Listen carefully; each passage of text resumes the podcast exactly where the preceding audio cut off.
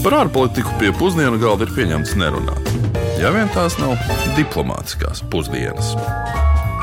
Labdien, esiet sveicināti diplomātsko pusdienu 160. raidījumā.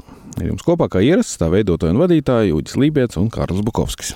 Pie mums arī nu jau oficiāli ir iestājies vēsais 2023. gada decembra sākums, un kamēr valsts vadītāji pulcējās COP28 sanāksmē siltajā Dubajā, arī mēs, nu, ja tā var teikt, bēgot no augstuma, šodien dosimies uz Āfriku. Nu, COP28, tie, kas varbūt tās ir piemirsuši, ir ar klimatu pārmaiņām saistītā konference. Starp citu, Dubaju jau esam aplūkojuši iepriekš, nu, ap Arābu Emirātus kopumā, bet to Āfrikas valstu gan mums ir neapskatītu palicis visnotaļ daudz. Bet nu, šobrīd varam apsolīt, ka katru no tām stāstīsim ar intrigu un par jaunām lietām. Protams, ka pa vidu tam vēl bez Āfrikas valstīm būs arī virkni citu valstu. Un, un vispār, vai kāds ir pamanījis, ka mēs vēl neesam savos raidījumos apskatījuši Ķīnu? Laikam tik bieži runājam par Ķīnu, ka varbūt tas liekas pašsaprotami, ka viņa ir visur, bet viņas vēl nav mūsu raidījumā bijis. Nu jā, kaut kad tas nākamā gada vidus arī ieplānosim un parunāsim pilnvērtīgi. Bet tagad gan atgriezīsimies pie šodienas galvenās valsts un dosimies uz Gabonas republiku.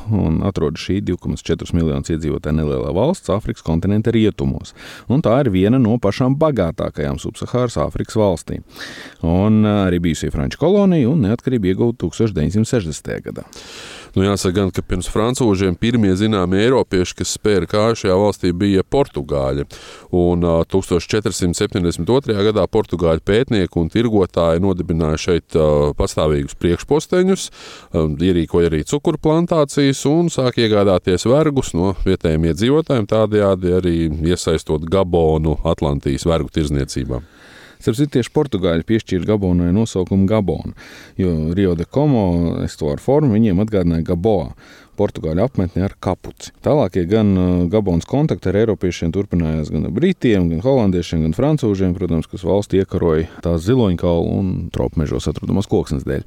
Bet nu, tagad gan noskaidrosim, uh, ko mūsu iedzīvotāji Latvijas zina par šo valsti Gabonu, un to mums skaidroja Uldis Česbergs. Vai ir kaut kādas asociācijas ar tādu valsti Gabona? Nē. Nē, Nē nebūs. Gabona. Nē, nezinu, kas tas ir. Tā uzreiz kaut kā uz mani izsatiet, no nevar uzreiz iedomāties. Nu, melnie kaut kāda noteikti. Āfrika kaut kas. Pilnīgi nekādas. Nu, Vispār valsts, manuprāt, Āfrikā varētu būt. Ir dzirdēta, ja tagad būtu jāiebaksta kartē, tad būtu krietni jāpadomā.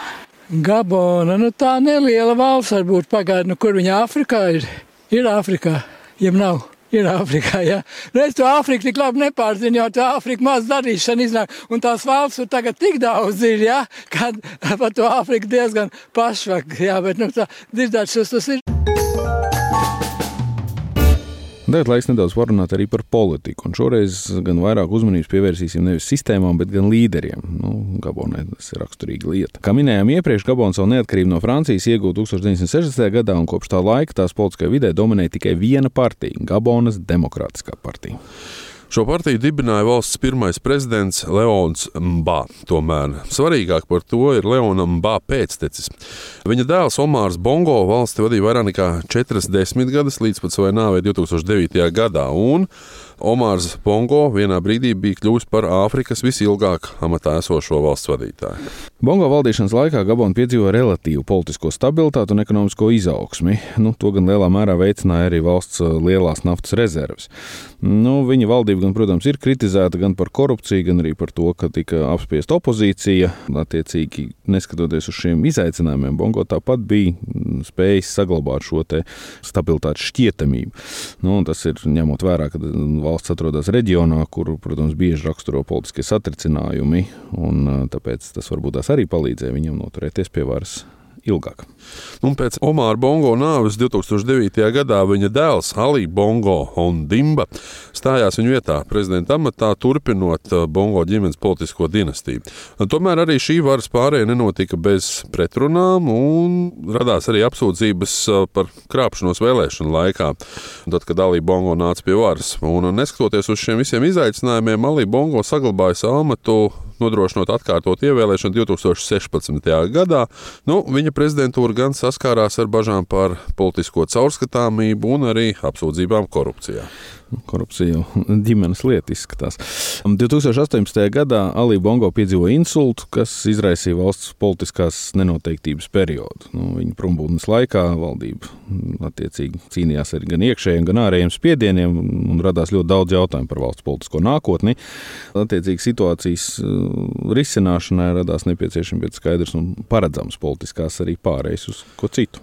Arī pašreizējā politiskā situācija Gabonā ir diezgan nemierīga, jo pēc tam, kad šī gada augustā Bongo atkārtoti tika pasludināts par uh, jaunievēlēto prezidentu, valstī notika militārais apvērsums. Jā, apvērsuma līderi Nacionālajā televīzijā paziņoja, ka ir sagrābuši varu, anulējuši vēlēšanu rezultātus, slēguši visas robežas un atlaiduši daudzas valdības struktūras, tostarp abas parlamentu palātas.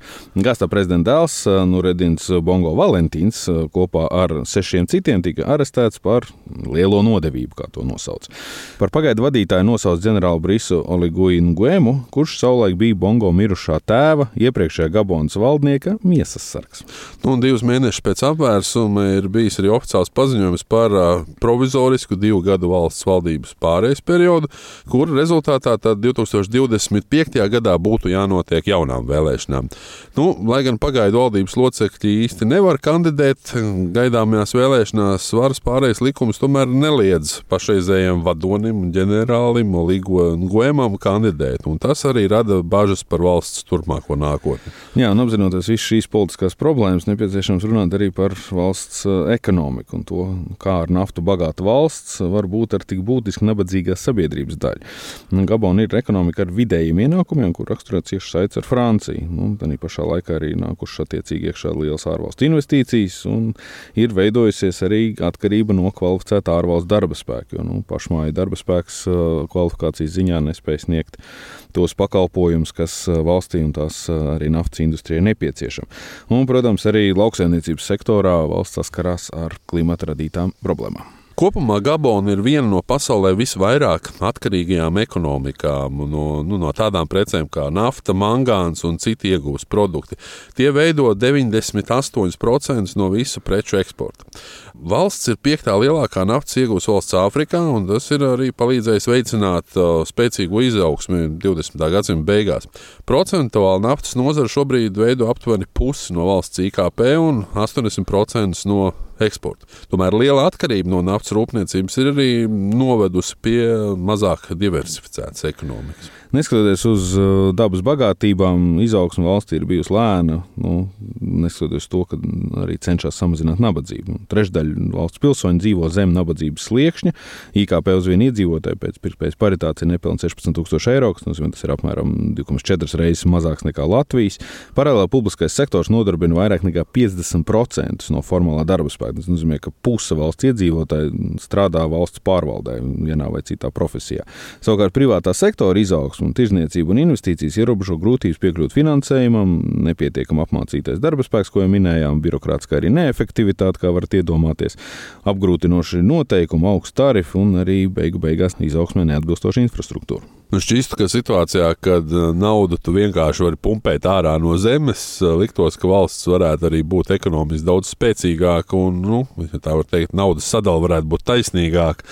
Nu, bet tādas bieži ir novērotas, un tā var, diemžēl, nebūt taisnība. Un, un tādas valsts kā Norvēģija drīzāk ir uh, viens no retajiem izņēmumiem. Nu, Tādēļ komentēt šo fenomenu, ka naftas valstis bieži ir ar nevienlīdzīgām un arī nabadzīgām sabiedrībām, mēs uh, lūdzām Mārai Baumanai, kas ir Latvijas ārpolitikas institūta asociētā pētniece un Rīgas Stradiņa universitātes doktorante.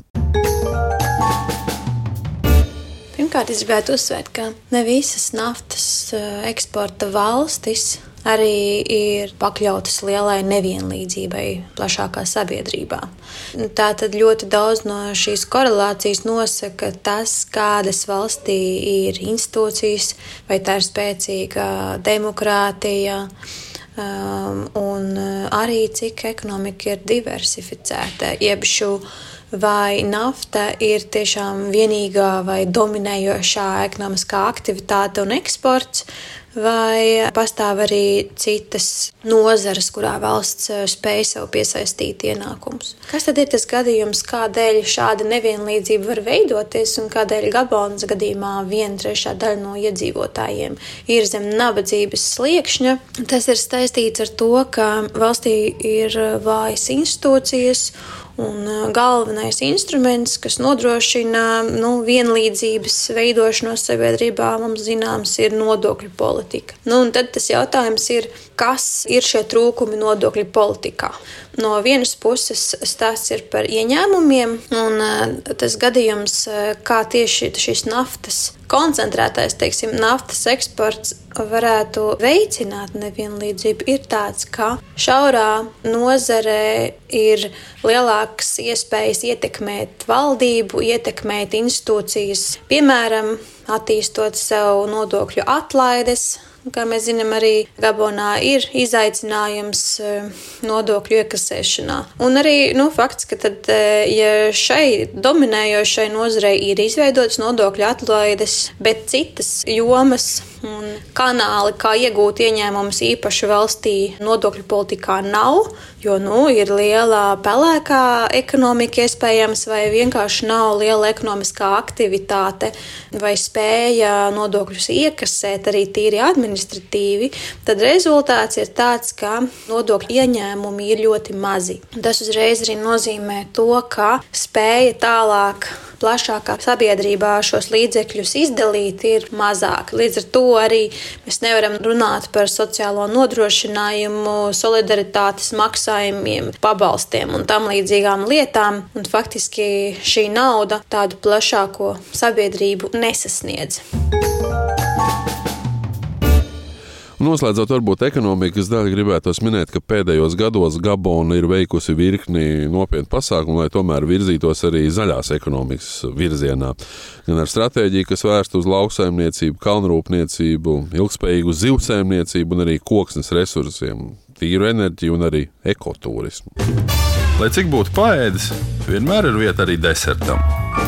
Šodien desertā parunāsim par to, kādēļ Gabona ieņem unikālu vietu zinātnes vēsturē. Iemesls tam ir tāds, ka Gabona atrodas pasaulē vienīgais kādreiz eksistējušais dabiskais kodolreaktors Oklo.